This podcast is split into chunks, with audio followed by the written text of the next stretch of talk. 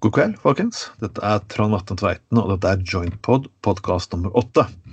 Jeg beklager det har tatt litt tid uh, for å få nye podkaster, men så klart vi prøver å promotere denne podkasten til flest mulig, og få med flest mulig. Så er det noen der i reformbevegelsen, om dere er mye tryggere, om dere er mye normale Egentlig, Det spiller ikke så veldig stor rolle, og spiller ikke rolle egentlig hvilket land dere er fra heller. Så lenge dere kan kommunisere de to språkene som jeg kan, nemlig norsk og engelsk, og ja, svensk og dansk, så skulle det her gå ganske greit. Uh, vi har et mål om å lage minst 100 stykker podkaster før, uh, før uh, valget. Så siste, siste ukene har vært preget av en rusdebatt uh, pga. at regjeringens forslag har blitt laget fram. Og selvfølgelig noen kommer med saklige punkter og bekymringer, mens noen selvfølgelig kommer med usaklige kommentarer og lignende. Vi tenker litt nå at det er også lov å faktisk være anonym hvis du ønsker å være med på disse sendingene. og før de blir presentert, så vil selvfølgelig personen som har vært med på podkasten, også få høre igjennom tilfellet er frykt. Vi er fortsatt sånn i rusdebatten i Norge at mange mennesker kan faktisk ikke stå fram og sitte og si sine historier. For da får de besøk av uh, onkel politi. Jepp, dere vet hvordan det er, folkens. Vi har vært om det igjen dette her før. Så dagens gjest, eh, som skal fortelle sin historie, og vi skal snakke litt med og diskutere litt fram og tilbake, han velger å bruke navnet Ragnar. Ikke John Smith eller et annet hemmelig agentnavn, men um, Ragnar. Og siden er kun uh, eldre menn som heter Ragnar, så tror jeg nok det her skal gå bra. Politiet vil ikke finne ut av det her. Men uansett, Ragnar, velkommen skal du være. Takk for det. Du har selvfølgelig både erfaring og arbeidet Vi, si, vi, vi skal være så bred at vi sier at du jobber i reformbevegelsen. Jeg jobber ikke, men jeg er frivillig i reformbevegelsen. Og, og, og driver aktivisme for eh, rusreformen eh, i disse dager, og har gjort det lenge. Mm. Og det har vært eh, jeg har, vært min, jeg har vært politisk aktiv i hele mitt liv og engasjert, men det har vært først rusreformsaken som har gjort meg synlig enke, på en enkeltsak. Så, så, jeg, driver mye med Twitter, Facebook og svarer på spørsmål og forklarer misforståelser mellom avkriminalisering og legalisering. Det er jo det, er jo det jeg gjør mest. Det har vært en utvikling. Jeg husker når, vi, når jeg selv startet med dette her på, på 90-tallet så var det stort sett Unge Venstre og kanskje noen, noen radikale elementer i Gateavisen som eh, turte å si dette her høyt. Nå har det blitt eh, langt flere stemmer, men eh, stigma er der fortsatt. Ja, stigma er stort. Fordi det fram til sent 2000-tall så ble jo rusmiddelopplæringen i norsk skole var jo sånn at hvis du prøver hasj, så begynner du med heroin. Mm. Og Det var liksom premisset som ble lagt av en sånn skremselspropaganda. og det, Jeg fant jo fort ut det når jeg var 17 år, at det var ikke sant. Nei, Personlig så følte jeg det når jeg vokste opp. Så jeg vokste opp i et uh, litt bedre område av min hjemby Skien. Og da var det sånn at de som ble tatt, det stort sett var uh, hvor du kom fra. I, hvilken adresse, da, det var adresse.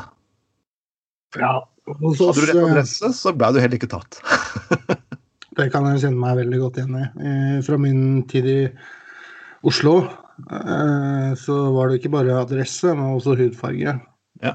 Jeg, har, jeg vet ikke hvor mange ganger jeg har vært på gåtur med kompiser når vi har vært ute og drikke eller et eller annet og hatt et par jointer i lomma. De som ser utenlandske ut, da, eller ikke har et nordisk utseende, de blir stoppa. Og eh, spesielt en gang så var det jo en av gutta som ble stoppa og ransaka. Han hadde et par gram marihuana i lomma og hadde mista bankkortet sitt, så han skulle jo på fest. Så han hadde jo tatt ut noen penger, ikke sant? Ja. Og han, han ble jo tatt rett inn. Den andre kameraten, vi var jo fem-seks stykker, men en av, en av, gutta han skulle levere en kilo hasj til en på det utestedet vi skulle til. Så han hadde jo en kilo hasj på ryggen. Han ble ikke ransaka engang, men han var jo hvit. Så det er jo en, det er jo en Dette er jo et uh, klassespørsmål og et rasespørsmål. Nå har det vært eh, nå de siste månedene eller siste året har det Black Lives Matter-bevegelsen. De snakker om den raseprofilering eh, forhold til hva som blir tatt i USA. Og det er jo selvfølgelig hiphopen de siste 30 årene har jo også fokusert veldig mye på dette her. Hvordan Mener du noe av det samme eksisterer i Norge? At det er direkte rasisme i norsk politi? Ikke på samme måte eh, som det er i USA. Det er ikke samme omfang av problemet. Men det er min erfaring er helt tydelig både i Oslo og her jeg bor nå, at hvis du er en eldre hvit gutt, Ja. så slipper du unna. Og hvis du er en yngre gutt med et ikke-nordisk utseende, så har du et større problem. Okay. Og det er fordi at politiet de Jeg så en eh, reportasje fra den der serien som gikk på Max, som het eh, Nattevakten, eller hva det var. Hvor de fulgte med politipatruljer på, på nattevakt, da. Da så jeg jo det at De, de stoppa jo folk fordi han hadde hasjklær. Altså hettegenser og jeans. Og han hadde jo ikke noe hasj. Ah, Og så, og, og så var det en annen en som de stoppa fordi han, han så ikke ut som han eh, så ut som han var syk. Han var, han var hvit.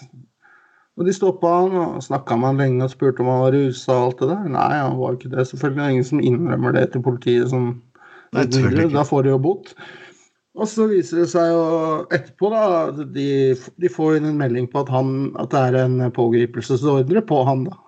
Så når de da, når de da får han inn på, på arresten, så har jo han 30 gram amfetamin i lomma. oh, Ikke sant? Men, men, han, men, men han hadde jo ikke hasjklær, så da var han ikke mistenkt. Så, så jeg, tror det er, jeg, tror, jeg, tror er ganske, jeg tror jeg ganske sikkert kan si det at i norsk politi så er det mye fordommer. Mm. Men det er ikke like ille som det er i USA. og Det er av den grunn at norsk politi ikke har like mye våpen. Og det er ikke like mye våpen i omløp i samfunnet. Uh, Man skal være forsiktig med å bedømme noen som ligger mange mange tusen kilometer unna, men hvor man ikke har vært på, og følt på det på egen hånd. Men det er jo en historie i USA om, eh, om hvordan svarte spesielt blir undertrykt, og nå også hispanics, da, som de kaller dem, eh, Ja. altså latinamerikanere. Vi snakker om at det er, det er en historie som Jeg vet ikke om dette er vandrehistorie eller ikke, men det er jo også det at Bruk, bruk av begrepet rus og narkotika det er jo noe som, jeg, Vi snakker der med bostedsadresse og lignende. Og jeg tenker på det faktum av at hvis jeg jobber på byen, og egentlig er på byen, så ser jeg dette rusmiddelbruket hele veien. Og det er, Hvis jeg går på, på bedre, gode steder, så selvfølgelig, Jeg vet jo hvordan man skal kjenne igjen mennesker som har tatt seg puttet litt i nesa og tatt seg et par joint og lignende. altså. Men vi hadde et sted som heter Dwell her i Bergen. og Det var liksom Det er jo selvfølgelig rastafari, hip, litt sånn hiphop, reggae, den biten der. Og der tror jeg faktisk politiet nesten var til, til stadighet. Er det sånn at de har bestemt seg for at den, de som går sånn og er sånn og tilhører de politiske meningene, de bruker rus mens ingen andre gjør det? Jeg tror de kan fort tenke det, ja. I Oslo så hadde de jo en, eh, en sånn innsatsstyrke med kommunen og politiet og en hel del, del leda av han der, jeg husker ikke hva han heter i farten. Men han er ganske profilert sånn ekspolitimann som jobber nå i Oslo kommune. Og de, de gikk jo målretta mot hiphop-stedene. fordi der var, der, det, der var det jo garantert at du fikk tatt noen med noe cannabis. Ja. Eh, og det ble jo Det ble jo på en måte sånn at eh, TJ jeg snakka med som spilte, de, de grua seg for å de, Eller de vegra seg for å ta spillejobber på visse steder, da. For da kunne de, da kunne de ikke liksom ta seg en pause og gå på, gå på baksida og ta seg en blås, liksom.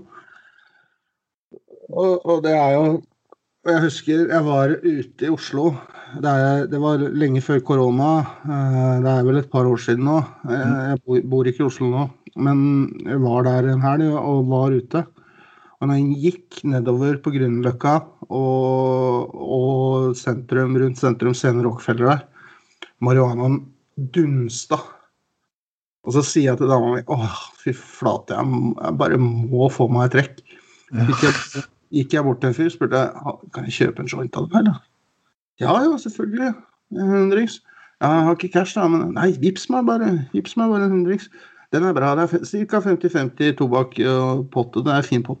Ja, det går bra, sier jeg. Røyker jo den, og det er jo den det er jo den knalleren, vet du. Jeg holdt jo på å gå rett i bakken, så jeg måtte jo stoppe halvveis. Og jeg, jeg, begynte jo, jeg begynte jo å røyke cannabis Eller første gangen jeg røyka cannabis, det var på en sommerleir som jeg var på med en sånn uavhengig sommerleir som ble arrangert eh, av, uh, av, en sånn frivillig gjeng, da. Uh, for, for, en sånn venners venners gjeng. Og vi var vel en 60-70 voksne og unge barn, ungdommer og barn til sammen. Kanskje litt flere.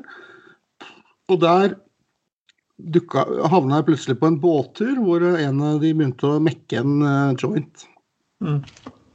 Jeg tenkte jo ikke noe over det. Jeg tenkte ja, ja, det, det er jo bare å prøve. Og, og det Jeg har jo hatt en del psykiske problemer, spesielt i ungdommen, men også senere tid. Og det var et eller annet som skjedde inni meg når jeg fikk det trekket.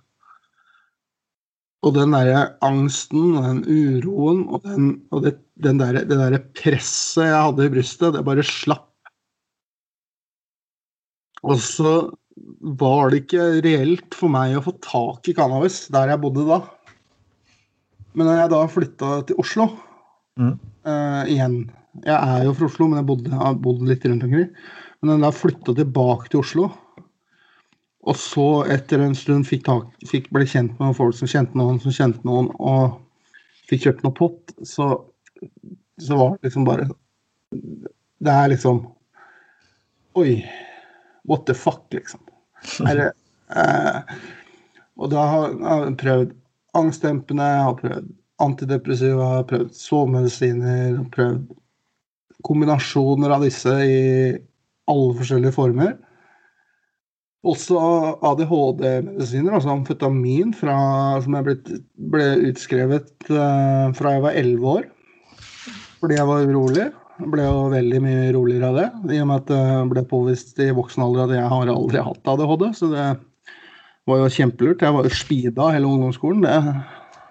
Det var jo fint. Men den, den følelsen jeg fikk når jeg da kjente den cannabisrusen i kroppen, den, den, har jeg liksom aldri klart å slippe, da. Og jeg har prøvd mye andre rusmidler òg. Jeg har vært et, vært et, veldig liberalt miljø i, i 20-åra hvor eh, det var ikke, ikke, tabu å ta seg verken noe kokain eller speed eller ecstasy ja. eller MDMA eller noe som helst. Det er ingenting av det. Jeg har prøvd det aller meste. Men det er ingenting av det som har gitt meg den samme godfølelsen i kroppen. Altså. Og ikke har du havnet opp som en uh, speedfreak, overdose uh, ødelagt hele familien og din og broren min. Det er, det er da alle disse historiene som jeg sitter og hører, at, uh, som jeg ofte, ofte, ofte, ofte, grunnen til at jeg ofte må ha en del anonyme mennesker når jeg snakker med dem. At skal du fortelle litt post... Du kan Norsk Narkotikapartiforening, som vi skal komme inn på, de kan fortelle alle disse jævlige historiene og få vitne til det.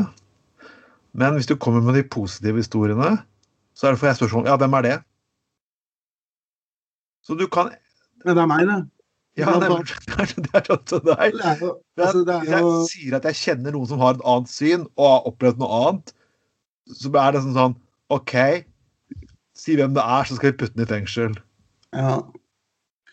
Jeg er også heldig at uh, jeg har jo aldri blitt tatt. Det har noe med at jeg er litt smart, og at jeg er hvit. Uh, og det gjør jo at uh, jeg har jo ikke noe på rulleblad eller noen ting. Jeg har har i yngre år hatt en karriere som selger. Det var jo ikke noe lukrativt, det, men det finansierte jo eget forbruk, i det minste. Ja. Og det er, det, det er, jo det som veldig mange daglige brukere gjør, og finansierer det med å selge til de som partyrøyker. Uh, men så ble På et eller annet tidspunkt så ble det der så mye styr, for det, du måtte liksom ha med deg delt opp eller vekt, og du måtte liksom stresse, og så plutselig så står du på byen med ei dame og flørter med henne og skal liksom til å begynne å kline, og så ringer telefonen, og så må du løpe opp i gata ved siden av fordi du har glemt at du skal møte en eller annen fyr. Ah. Så, på, så, på, et eller annet tidspunkt så bestemte jeg meg bare for at jeg gidder ikke lenger. Mm.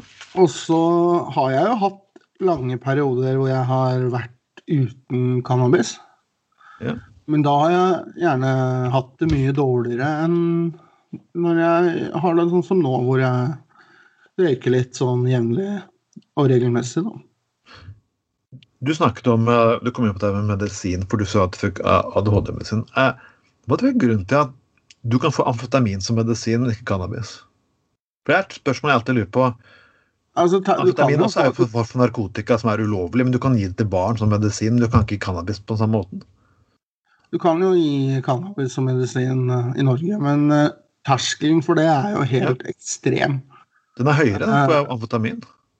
Ja, men hvis du har et barn som mistenkes for å ha ADHD, så gis det barnet amfetamin for å se om det hjelper. Ok. Mens hvis du har en, eh, et barn med alvorlig epilepsi, hvor en CBD-olje har beviselig funksjon altså det Forskere i USA og Storbritannia som har bevist det så til de grader at CBD-olje hjelper mot epilepsi, kraftig epilepsi. Mm. Da, er det, da, må du, da må du nærmest ha unntaks, unntak fra kongen i statsråd for å få lov å reise til Nederland og kjøpe den olja, som ikke har noen Og det er viktig, altså, CBD-olje har jo ingen ruseffekt. Nei, for jeg har, jeg har jo snakket nå eh, Japan har en av, har en av verdens de har veldig strenge cannabislover. Noe som Paul McCartney fikk oppleve til på tidlig 80-tallet, da han ble stappet i fengsel der. Eh, og de har faktisk nå legalisert Der får du det på helsekostbutikker. Ja. Så jeg, jeg sliter jo litt med det greiten at du må spesialtillate nesten ja, det si Legemiddelverket i Norge. Og man kaller bruken av dette for eksperimentering på norske barn. Mens amfetamin deles ut som et rent eksperiment på norske barn allerede. Ja, og det er ganske potent amfetaminer òg. De kan jo ikke måle seg Du kan jo tenke deg at eh, de, disse her Ritalin-pillene da, Ja. på noen milligram, de tilsvarer jo ganske store rusdoser eh, for gatebrukere. En periode jeg hadde jeg, Rett etter jeg ble 18 år, så hadde jeg resept, fast resept på disse her Ritalin-greiene. Mm. Men jeg brukte dem ikke, men jeg gikk og henta dem bare sånn for en vane. Okay. Og på, på et eller annet nachspiel så var det en kompis som hadde tryna innom et skap så det hadde åpna seg, og så jo at jeg hadde en åtte-ti esker med Ritalin. Oi, oi, oi. Og det må vi selge, det må jeg få solgt og, og få inn noe penger, ikke sant. For han jo, kan jo bytte det i det og det. Ja, er det verdt noe det? Ja, fy faen, de betaler jo Det der er jo verdt ti ganger det de har på gata. Så da ja, det var tidlig på kvelden når vi skulle ut, så vi fylte opp lommene, og så gikk vi ned på plata. Det var lommene fulle av penger i løpet av et par minutter. Å, herregud. Og det var jo er ikke noe stolt øyeblikk, det, da, men, eh, men, eh, men, men det, det er liksom det, det er ganske potent virkestoff i de, i de ADHD-medisinene. Men, men det må også sies at det har kommet nye ADHD-medisiner som er, virker litt annerledes, da. Mm. Men det er noe med noen reseptorer i hjernen og hvordan amfetaminbindingene påvirker disse reseptorenes evne til å koble seg sammen, som, som er veldig likt hvis du har ADHD eller et langvarig Eller hvis du har hatt et langvarig amfetaminbruk, da, så vil du ha ADHD som en bivirkning. Ok.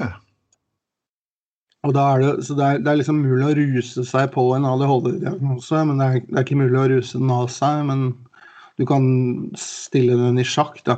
Men, men det sagt, så er det jo veldig mange mennesker som har veldig stor nytte av, av disse ADHD-medisinene og får veldig mye forbedra livskvalitet av det. Mm. Men jeg er veldig skeptisk til å gi det til elleveåringer, som, som jeg da var når det ble gitt til meg. Men dette er jo faktisk en rent de eksperimenterer da nesten rett og slett med barn. Ja, dette var jo da i- på sent på 90-tallet, og jo, da hadde jo akkurat ADHD blitt de definert som en diagnose. Og det var jo veldig populært å selge, sette det på alle. Eh, I voksen alder så viser det seg at jeg har jo en personlighetsforstyrrelse som har veldig like symptomer som ADHD Ja. når barn. Og når jeg, jeg har jo fått en medisinsammensetning av min psykiater nå, og har veldig, veldig bra liv sammenligna med det jeg hadde for før jeg fikk den behandlinga. Men den medisinkomboen, den klarer ikke å takle alle de traumene og all den angsten og alle de vonde minnene som jeg må håndtere.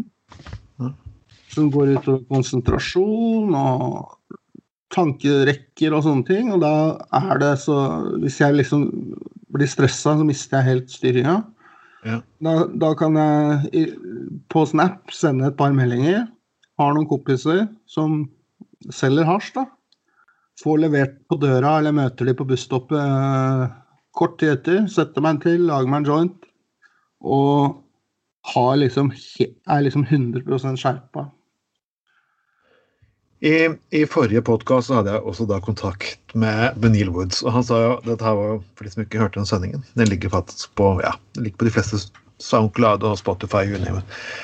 Han fortalte det at han hadde jo tatt en av de største kartellene faktisk i Storbritannia. og de var liksom opp, Det var tatt, så var det liksom businessen å gå opp etter noen timer igjen. Man snakker hele tiden i Norge at man tar store hasjbeslag og man struper hasjtilgangen. og jeg ser Politiet altså, som viser fram de store oppslagene av beslagene de gjør. Men disse store beslagene, har de noensinne hatt noe effekt på tilgangen til cannabis i Norge? Akkurat nå det siste året så var det jo det. Eh, når, eh, fordi i mars i fjor, da, i 2020, så var det flere ting som skjedde samtidig. For det første så hadde Interpol en del aksjoner i Marokko i begynnelsen av året. Ja. Det forsinka hele leveransesystemet. Det er en ganske effektiv industri, den her cannabisindustrien. Og det sammen med stengte grenser, korona, ingen fly, ingen skip, ingenting, det gjorde at hele dritten stoppa opp, og prisene eksploderte jo.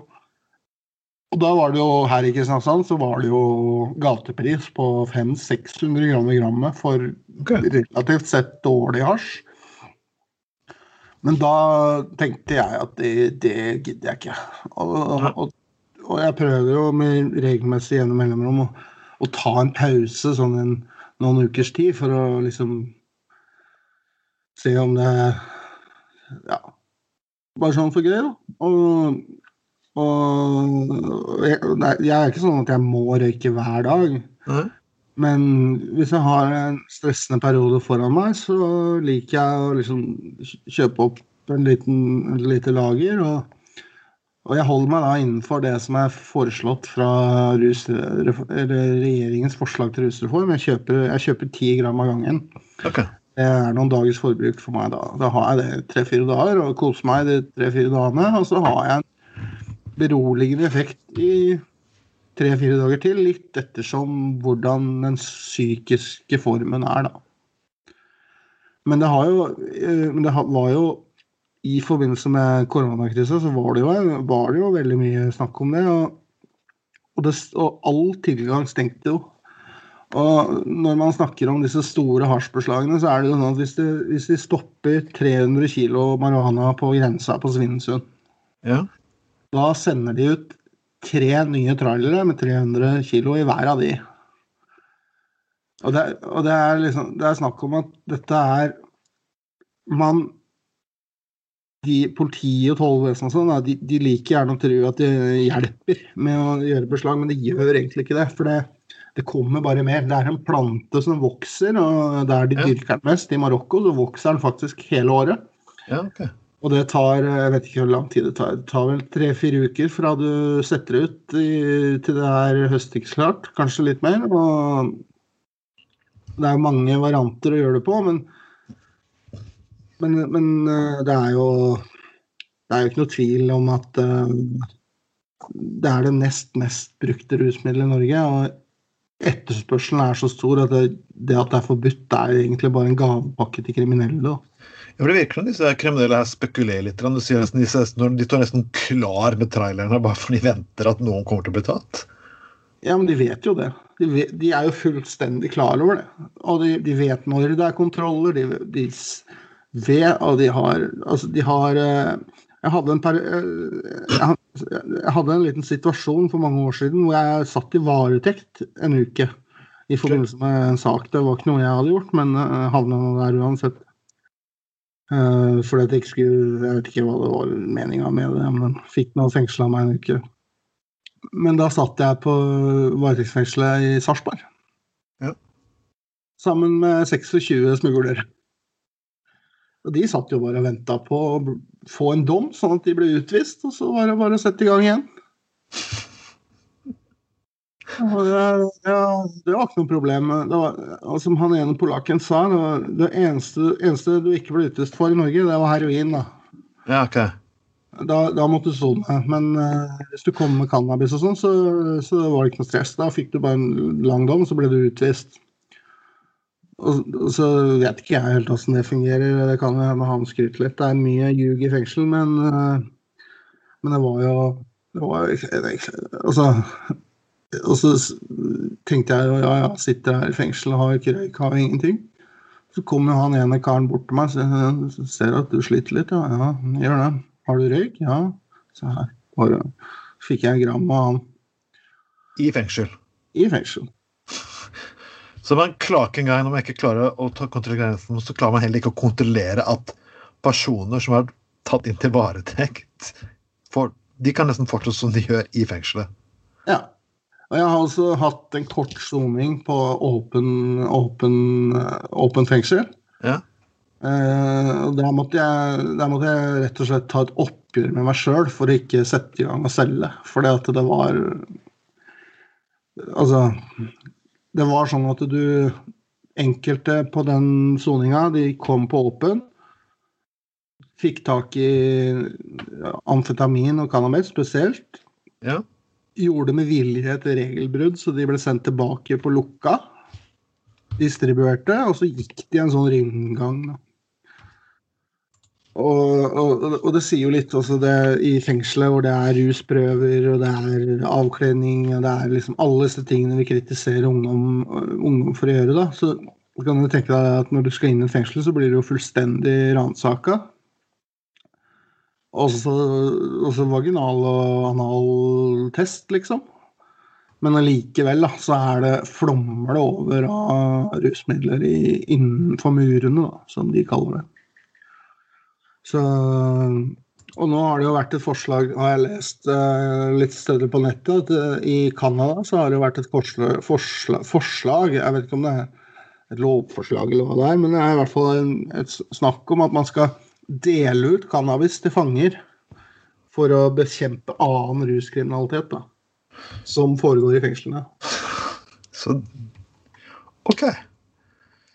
Det høres jo jeg, jeg, jeg, Beklager, jeg ble, litt, jeg ble liksom litt uh, liksom litt sånn sjokkert der også. Så de, de, de har gitt opp å bekjempe kriminalitet i, i fengselet. Så de må ty til dette her. I Canada. Ja, men allikevel betyr det at man har ikke noe kontroll av hva som skjer i fengslene der man skal straffe mennesker. Ja, og, og, det, og det, er viktig å Jeg har aldri sett så mye rusbruk som det jeg har gjort i de åtte-ni ukene jeg har vært innafor fengsel.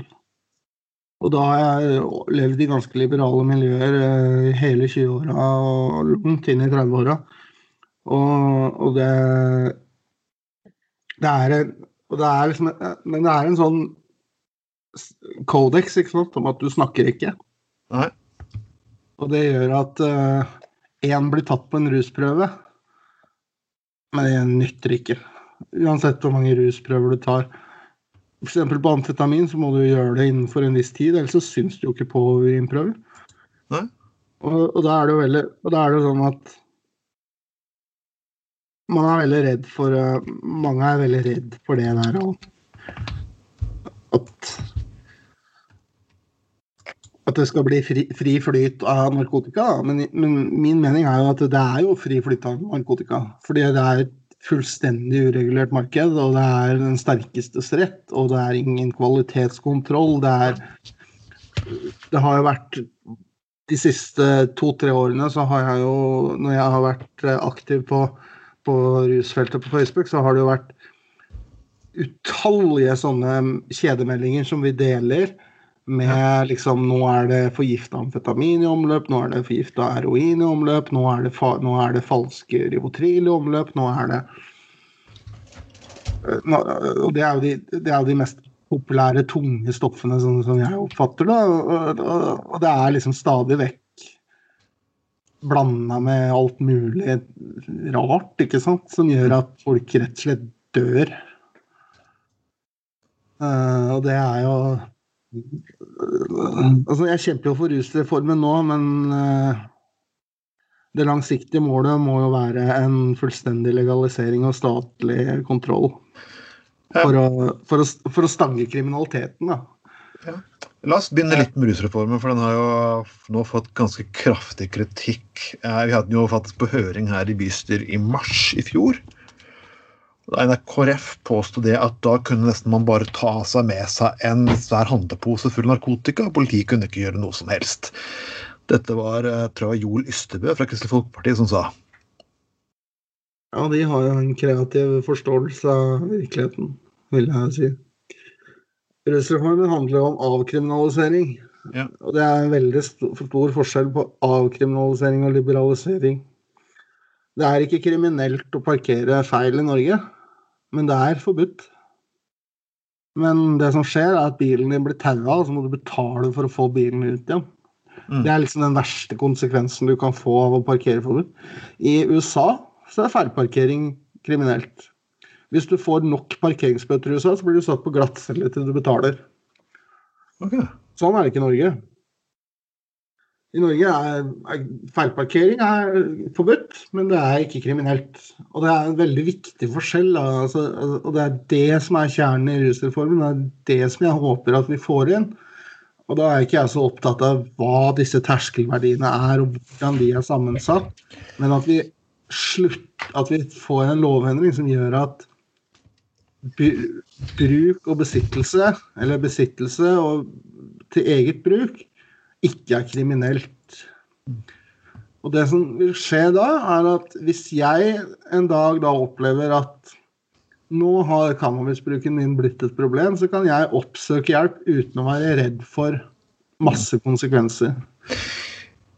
Men ifølge politiet, og det sier de folkene her, at uh, takket være det at man har lyst til å gjøre det på den måten her, så gjør det at ungdom vil ikke komme med de fortelle de, og de, de vil ikke nå inn til folk og kan gi de alternativer.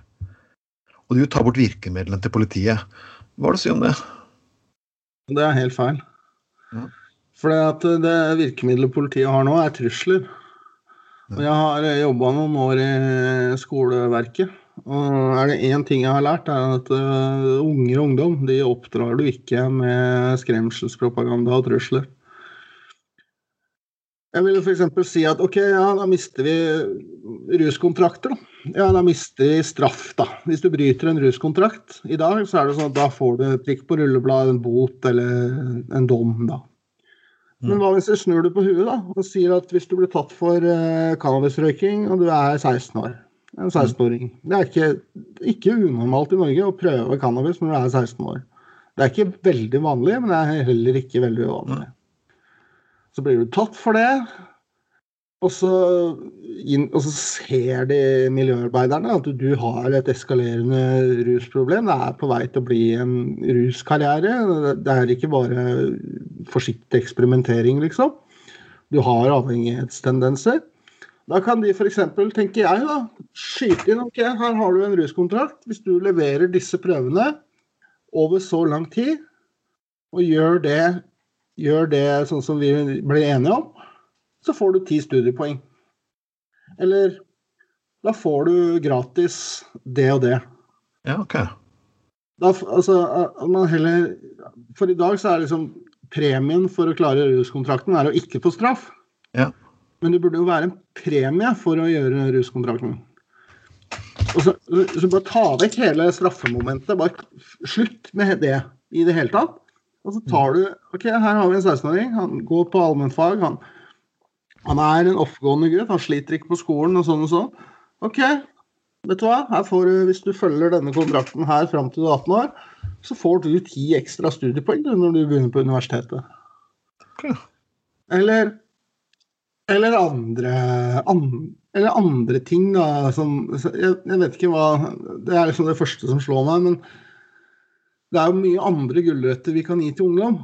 Mm.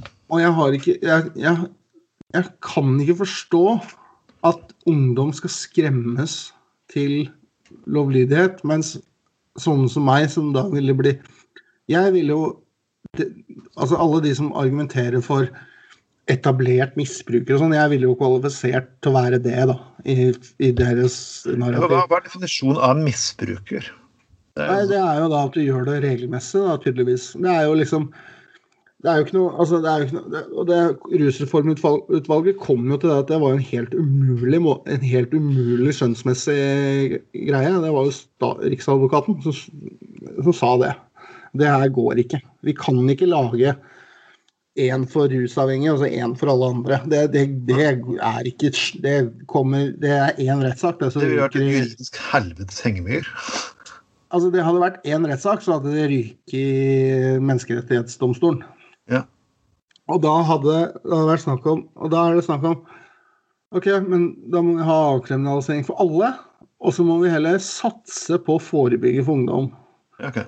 Og jeg er jo ganske liberal, og jeg mener jo at cannabis og lettere stoffer skal selges over disk eh, på, med, til statens fortjeneste, sånn at staten kan finansiere hjelpetilbud. Men vi er ikke der nå. Men, Hva tenker du på? Tenker du sånn reguleringsmodell à la Vinmonopolet? Ja, alle det de har gjort i Canada med å legalisere cannabis. Hvor det er eh, lisensierte butikker som får lov å selge. Og i starten så eksploderte det ulovlige salget fordi at de fordi at de lovlige dyrkerne ikke klarte å få plantene til å vokse fortere. Og så nå i dag, eh, noen år etterpå, så er det svarte markedet for cannabis borte. Okay. Og vi kan tenke, Jeg har hørt et anslag som er blitt sagt av en rusforsker på et seminar jeg var på, at cannabis alene i Norge er 8 milliarder kroner i året. 8 milliarder kroner i året? Ja, det er et anslag han kom med. Okay. Jeg skal ikke si hvem det var, for da sier jeg hvem jeg sjøl var her. Men, er, det er men, men hvis det stemmer, da, så er det snakk om 8 8000 millioner kroner mm. som tas ut i minibanken og forsvinner over i svart økonomi. Ja. Finansierer prostitusjon, trafficking, slavehandel, våpenhandel og alt mulig. Narkotika er de kriminelles finansiering av deres virksomhet. Mm. Det vet jeg litt om. Og det, og det, er jo sant, men ofte noen bruker også argumentet og sier at ja, men kan ikke dere slutte å bruke det, da? For dere er jo faktisk med de som finansierer dette her. Hva har du å si til det? Ja, hvis det bare var så lett, da. Ja. Jeg, har jo, jeg, har jo, jeg har jo en drøm om å få kjøpt meg et hus med en liten hage hvor jeg kan ha et lite hjørne i hagen. Jeg kan dyrke mine egne planter, sånn at jeg melder meg ut av det der eh, kriminelle. Så jeg har noen venner Jeg har venner eh, Jeg er jo en eh, sånn der millennial, eller hva jeg vet ikke helt hva jeg er. Men jeg er nå, er nå i hvert fall i den her ungdomsgenerasjonen, da, føler jeg sjøl. Og har bekjente rundt omkring i Europa. Annet en god venn i England, hvor det er lov å kjøpe cannabisfrø. Hvis jeg da i løpet av vekstsesongen kunne dyrka meg et par-tre kilo med marihuana i hagen, så hadde jo ikke det vært noen kriminelle som fikk noen penger av meg. I dag så får de sånn 3000-4000 kroner i måneden av meg. Og det er ikke noe alternativ for meg å la være. Det er ikke bare å slutte. Jeg har prøvd det mange ganger, men da får jeg så mye dårligere livskvalitet at det er det ikke verdt for mitt eget liv. Mitt liv starta da jeg ble født, og det slutter når jeg dør. Ja. Og da må jeg leve det livet så godt jeg kan i mellomtida. Da kan ikke jeg ta hensyn til at avholdslobbyen i Norge tror at du dør av hasj, liksom. Vi må inn på dette her med medisin. Og, og nå, jeg, jeg, når jeg, sagt jeg, det, det, jeg vet at eh, dere, dere lyttere har hørt dette spørsmålet flere ganger, men jeg må, jeg, må, jeg må, si det til flere personer, og det er av at politiet har drevet en slags kampanje, og det fikk de hjelp av TV 2. Hvis vi titter på TV 2 i fjor, jeg tror vi fikk det innslaget med tollerne. Jo. Der man faktisk der, jeg faktisk faktisk at Han påstod at folk som reiser på pasientreiser til Nederland At disse personene var med å bidra med å plassere cannabis på gaten i Oslo og lignende. Eh, Det er noe av det jeg snakker med, desto mer skjønner jeg ikke at det der må være regn, regnskapsmessig ikke ville vært noe lønnsomt og lagt mer Det er, ubehag. det er, det er noe av det dummeste jeg har hørt, for å være helt ærlig. Jeg, jeg skal i utredning for en diagnose som kan hende at gir meg medisinsk cannabis. Ja. Det vil koste meg mye mer enn det å kjøpe den bedokran-marihuanaen i Nederland. vil koste meg enormt mye mer penger enn å kjøpe hasj av min kompis på Snapchat. Så det er bare tull. Så du må betale for utredningen selv, altså? Nei, du må, du må reise Du må jo ta fly til Nederland og hente det, da. For det, de, det, er, det, er veld, altså det er veldig kronglete med medisinske cannabisen. Det er jo mulig å få det utlevert i Norge òg, men da koster det jo 15 000 kroner for 100 gram, eller hva det er. Det er jo helt, ut- altså, Dette er jo snakk om folk som trenger 6-7 gram om dagen, som smertepasienter og sånn. Jeg sjekket jo CDB-olje òg. Det er bare snakk om eh, ganske mye penger for de som kunne ønske det også. Ja, og det, det er jo, og det er jo men, men, men, den, men det må man jo si da, at den bedokran-marihuanaen da, som, som jeg har prøvd, Mm. det er det ingen gateselgere som klarer å lage. Nei. For det er, det er industrielt fremstilt medisin. Det er, det er helt rått sammenligna med det du får. Men da er vi jo litt inne på det med hasj marihuana. Og det som er hovedproblemet i Norge, er jo at vi har en hasjkultur. Og, det, og hasj er ti ganger mer skadelig for lunger og åndedrett enn marihuana er. Marihuana er faktisk ikke kreftfremkallende.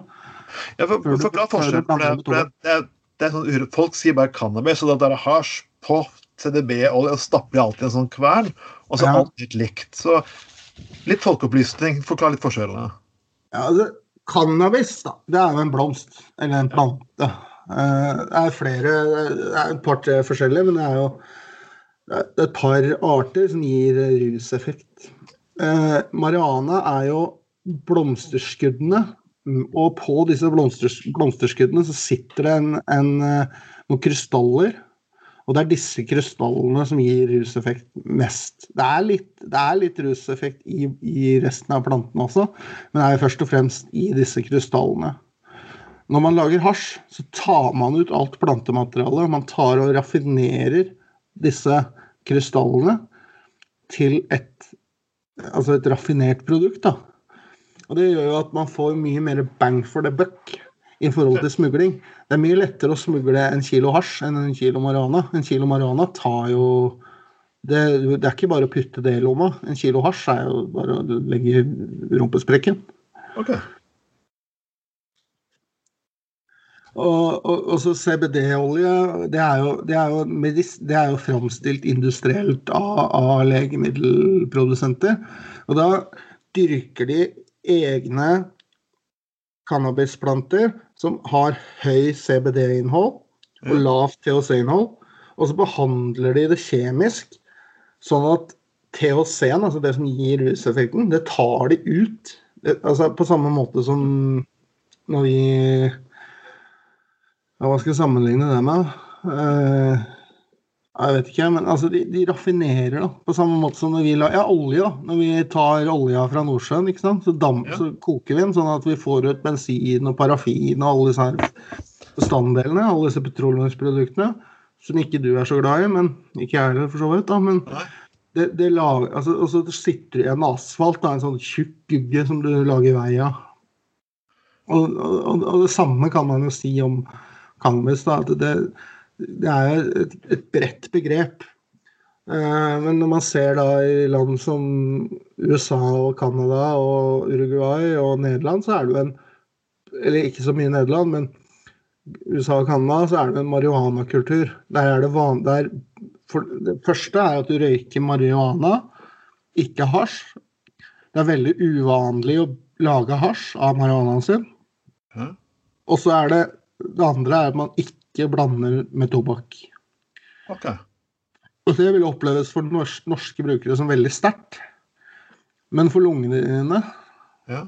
så er det faktisk ikke kreftfremkallende. Altså, papiret du ruller det i, er kreftfremkallende.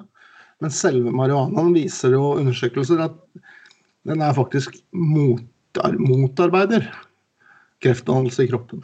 Ja, Er det det, det, det, røyker- det, det er jo sånn litt en morsom historie for å si at hvordan kan du røyke noe det er imot kreft? Altså, det, fikk jo veldig mange sånne vidunderhistorier på Facebook.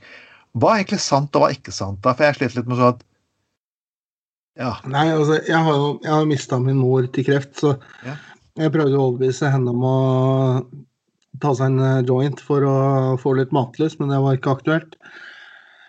Eh, Det er ikke sånn at du kan røyke deg frisk fra kreft med cannabis. Men hvis du røyker marihuana, så er det mindre kreftfremkallende enn tobakk. Antageligvis ingenting i det hele tatt, ifølge de studiene. Tobakk er, som alle vet, ekstremt skadelig. Og hasj er enda verre. Det du, for det hasj er jo en tjære. Det er jo tjæra til den planta. Og så tar du den og blander i tobakk for å røyke. Så du, du, du sitter og røyker inn fordampa tjære. Men når du røyker eh, i marihuanaformen, så er tjæreinnholdet så mye lavere. Ok. Så, så, og det, det, har jo noe med, det har noe med kulturen å gjøre, og, og, og, og geografisk plassering, da. Og, og så er det også sånn at vi må jo erkjenne at Norge er det rikeste landet i verden. Ja. Det er det mest attraktive landet i verden. Det er det eneste en av få land som gir rusavhengige mange, trygd, f.eks. Hva de bruker den trygda på, bryr man seg ikke om. Eh, og, og det gjør at man, man indirekte understøtter disse ulovlige markedene. Men hvis man hadde klart å snu bruken av hasj over på bruk av marihuana, så ville man også sett mye mindre av disse psykiske skadene som man ser av hasj. For det er jo sånn at i dag så lønner det seg jo for de kriminelle å ha sterkest mulig hasj, sånn at når jeg kjøper av min dealer, Mm. så kan jeg få så og så mange ut av et gram. I, I gamle dager så røyka jeg tre jointer på et gram. Sånn, hvis jeg får tak i en sånn moderne type som er av de beste, kan jeg i dag få fem på ett gram. Uh, og så blir man jo tolerant. Altså, og jeg har ganske høy toleranse, så jeg får kanskje ikke til det, jeg. Men, men, men an, mens andre rekreasjonelle brukere vil få en mye lavere Altså, ja, hasjen er sterkere, men det vil jo si at du bruker mindre av den. Det er det samme som når heroin, heroinmarkedet i Oslo. De, vet jo, de setter jo et prøveskudd ikke sant? når det kommer en ny type, for å se, for å kjenne på åssen er denne, hva er denne blanda med, og, hva, og, og, være litt safe. Og så ser de OK, oi, her, denne var jo ganske rein. Da trenger jeg ikke så mye. Da er det flere doser på et gram. Men det som jeg ser Norsk Narkotikapolitiforening og Kripos sier, er at det er 75 rusdoser på 5 gram heroin. Det er vel noe, av- det er noe av det mest fantasifulle jeg, Det er noe av det mest fantasifulle jeg har hørt i rusdebatten så langt. Hva baserer, hva baserer de det tallet på? Enhver forsker ved legemiddelstudie vil skjønne at det der er feil. Nei, altså det, Dette har jo blitt gjentatt av andre, andre da. Men eh, jeg, jeg kjenner jo folk som har brukt heroin i mange år. Ja. Og, og, og de eh, sier jo til meg at uh, den heroinen som gir deg 75 doser på 5 gram, den skulle gjerne de ha fått tak i. ja, det ville vært ganske lønnsomt. Det ville ikke være noe god business for de som stolter dem, men eh, ja. Nei, eh, de har, altså, de hadde betalt mye for den. Ja, Ja. men, men, men, men heroin er jo en liten avsporing. Det er jo et Jeg er jo veldig rusliberal, men jeg er jo negativ til heroin i og med at det er, det er bare skadelig. Jeg ser ikke at det har noen positive effekter. Men hos andre rusmidler, litt, de litt lettere stoffene, eh, LSD og psilocybin og 2CB og disse her der har man jo forsøk på at det hjelper mot depresjoner og andre ting. Og heroin Ja, det er jo da et, det jo da et raffinert morfinprodukt igjen, ikke sant? Så, så, så, og, og, det var jo Det artige var jo at det ble jo framstilt og markedsført som et produkt mot kokainavhengighet. Og, og, og, og, da amfetamin sin historie Amfetamin var en viktig del av andre verdenskrig. Ja. Alle de som hadde krigstraumer etter andre verdenskrig. Det er jo en kjent sak at krigsseilerne våre og soldatene i Europa og sånn, de hadde jo store psykiske problemer etter krigen. Mye av det var jo fordi de fikk jo utdelt amfetaminpiller for å holde seg våkne. Eh, spesielt eh, tyskerne. Ja. Eh, de, der var jo, og også under første verdenskrig var det jo ekstrem etterspørsel. Jeg husker ikke helt hva det het, men det var et legemiddel som ble solgt over disk i hele Europa og det er, eh, det var, det er eh, tusenvis av brev som er sendt fra skyttergravene i første, første, verdenskrig og fra fronten i andre verdenskrig, hvor de etterspør 'send meg mer av dette', 'send meg mer av dette'. Oi. Og det kan jo det kan jo Og det var, det var ikke ukjent for eh, seil, krigsseilerne å bruke sentralstimulerende stoffer for å holde seg våkne. Og de fleste Jeg har lest en del eh, om krigsseilerne. Nå skal jeg ikke si for mye, men, ja. men de, det var, de visste veldig godt hva disse tablettene var. Og de hadde, hadde et par av de tablettene på innerlomma i tilfelle de ble torpedert og måtte gå i livbåten. For det er ikke noe gøy å sovne og dø i en livbåt. Da er det bedre Nei, det å holde seg våken. Du kan jo tenke deg åssen det er å bli torpedert oppe på Island i november. Jeg har faktisk en bestefar som lå noen uker i en balle i, i Middelhavet, så ja. ja, det var heldigvis Middelhavet, da. Det var det faktisk, men uh, traumene hadde, etter det som ble sagt, ja, det var virkelig nok. Jeg er litt avsporet. Vi, vi, kan jo holde på timen, men jeg har lyst til å komme tilbake litt til cannabisbiten her. Og i hvert fall det med CDB-olje. Ja. Og, og, og, det er litt, litt på grunn av at jeg har hørt personer til og med vært imot legalisering av narkotika, men for CDB-olje. Litt eh, som jeg nevnte tidligere altså i podkasten, det med at Japan har godtatt dette her. Det skjedde pga. at tror jeg, en av toppolitikerne i Japan sitt barn hadde testet det ut på smerter og lignende og det viste han kjempegod effekt. Derfor tok japanerne skjønt at ok, siden dette her var ikke rus i utgangspunktet, så gikk dette greit. Ja. Men i Norge så har jeg hatt en litt spesiell debatt på det her, og nå ser jeg bare at Frankrike og Italia de forsøkte jo å putte det her opp på narkolisten. Og i Norge så er det jo vært en prosess. Jeg drev på og sjekket regelverket på dette her. Og jeg har så snakket med lege, ulike typer leger, og mest med legen sier at jeg vil ikke si noe om det. Og mange av de sier at jeg tør ikke å ta tak i det og si noe høyt om hva jeg mener om det. Pga. min stilling og lignende hans. Og, og, det er jo ganske spesielt. Og det er psykologer jeg har snakket med, veldig mange som driver si akkurat sammen at vi kan si til deg at vi syns dette her er bra, men eh, jeg tør ikke sjansejobben min på å være person for å ta opp for din sak eller komme på denne podkasten. Ja, så jeg, bare... CDB-olje har ingen ruseffekt. Hvorfor dette sinnssyke hysteriet? Hvorfor den der forsøken fra Frankrike og Italia og flere andre å lage det her om til narkotika? Nei, det er, en, det er jo en fordom om at dette er et rusmiddel. Altså, de, de, de, man klarer ikke å legge vekk denne tanken om altså denne her, og, og, denne her Da må vi ta den rekrutteringstanken aller først. For det er jo en sånn idé i norsk rusforebygging gjennom de siste 30-40 åra om at uh, prøver du hasj, så blir du hekta på heroin. Og det er jo sånn at det er ikke sant. Men, men de som ender på heroin de starter alltid med hasj. Og det er fordi at det er det lettest tilgjengelig. Ja. Og derfor så har cannabis på en måte blitt sånn svartlista. Og det, og det er litt, egentlig litt rart, men, men, men, det var nok litt sånn panisk. Man visste ikke helt hva det var da. Men, men det er jo samme alkohol. Jeg tror de partier jeg kjenner som, har, som jeg jobber som sosialarbeider, har brutt heroin, de brukte alkohol hadde startet på alkohol. Ja. Det samme alkohol, kan man ikke det?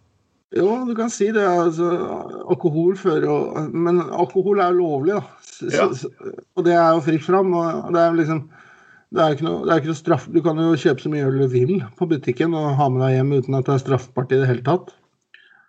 Eh, med mindre du gir det til noen som er under 18. Da.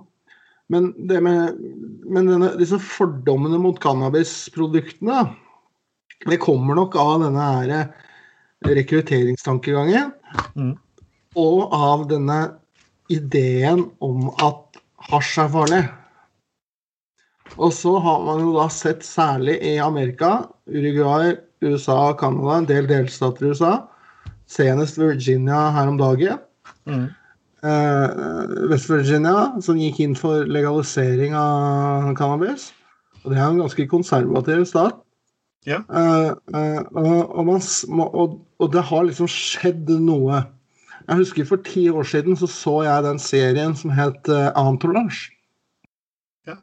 Og der var det jo en eh, Der fulgte man en skuespiller i, i Hollywood i hans opp- og nedturer og hans vennegjeng, da. Og de røyka jo pott. Og det var jo da Det var jo nesten unormalt å ikke gjøre det på den tida der i California. Og California var jo en av de første som legaliserte. Ja. Det man ser når man legaliserte, er at bruken har gått ned. I en del grupper, da. Også, men, men da har man og da, Når man da først har forlatt den rekrutteringstankegangen, så sitter man igjen med at Oi, ja, men vi har jo sagt at dette er forbudt. Det er jo cannabis. Det er forbudt. Det er så farlig. Tenk om, tenk om, tenk om. Og så ser man det, altså, Hjelper det jo ikke at man sier det, ja, det er ingen ruseffekt i en CBD-olje. Det hjelper mot Det er ingen bivirkninger sammenligna med tunge benzodiazepiner som man bruker mot eh, epilepsi, f.eks.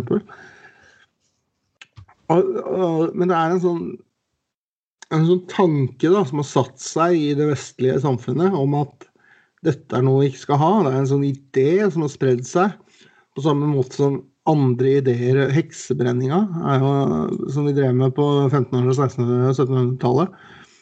Det var òg en idé som man har fått om at visse mennesker, særlig kvinner, drev med trolldom og kunne påføre folk sykdom og død med å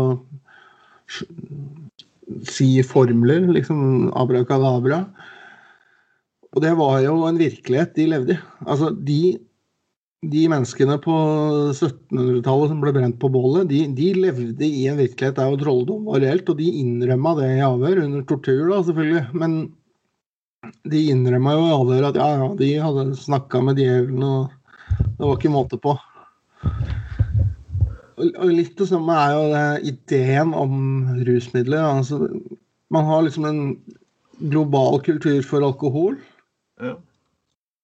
Eh, en kultur som har ødelagt urbefolkningen i Amerika, både i nord og sør. De hadde ikke kjennskap til alkohol når europeerne kom, og de har jo gått ad undas. Det er nesten ingen igjen. Verken i Sør-Amerika eller i, i, i Nord-Amerika.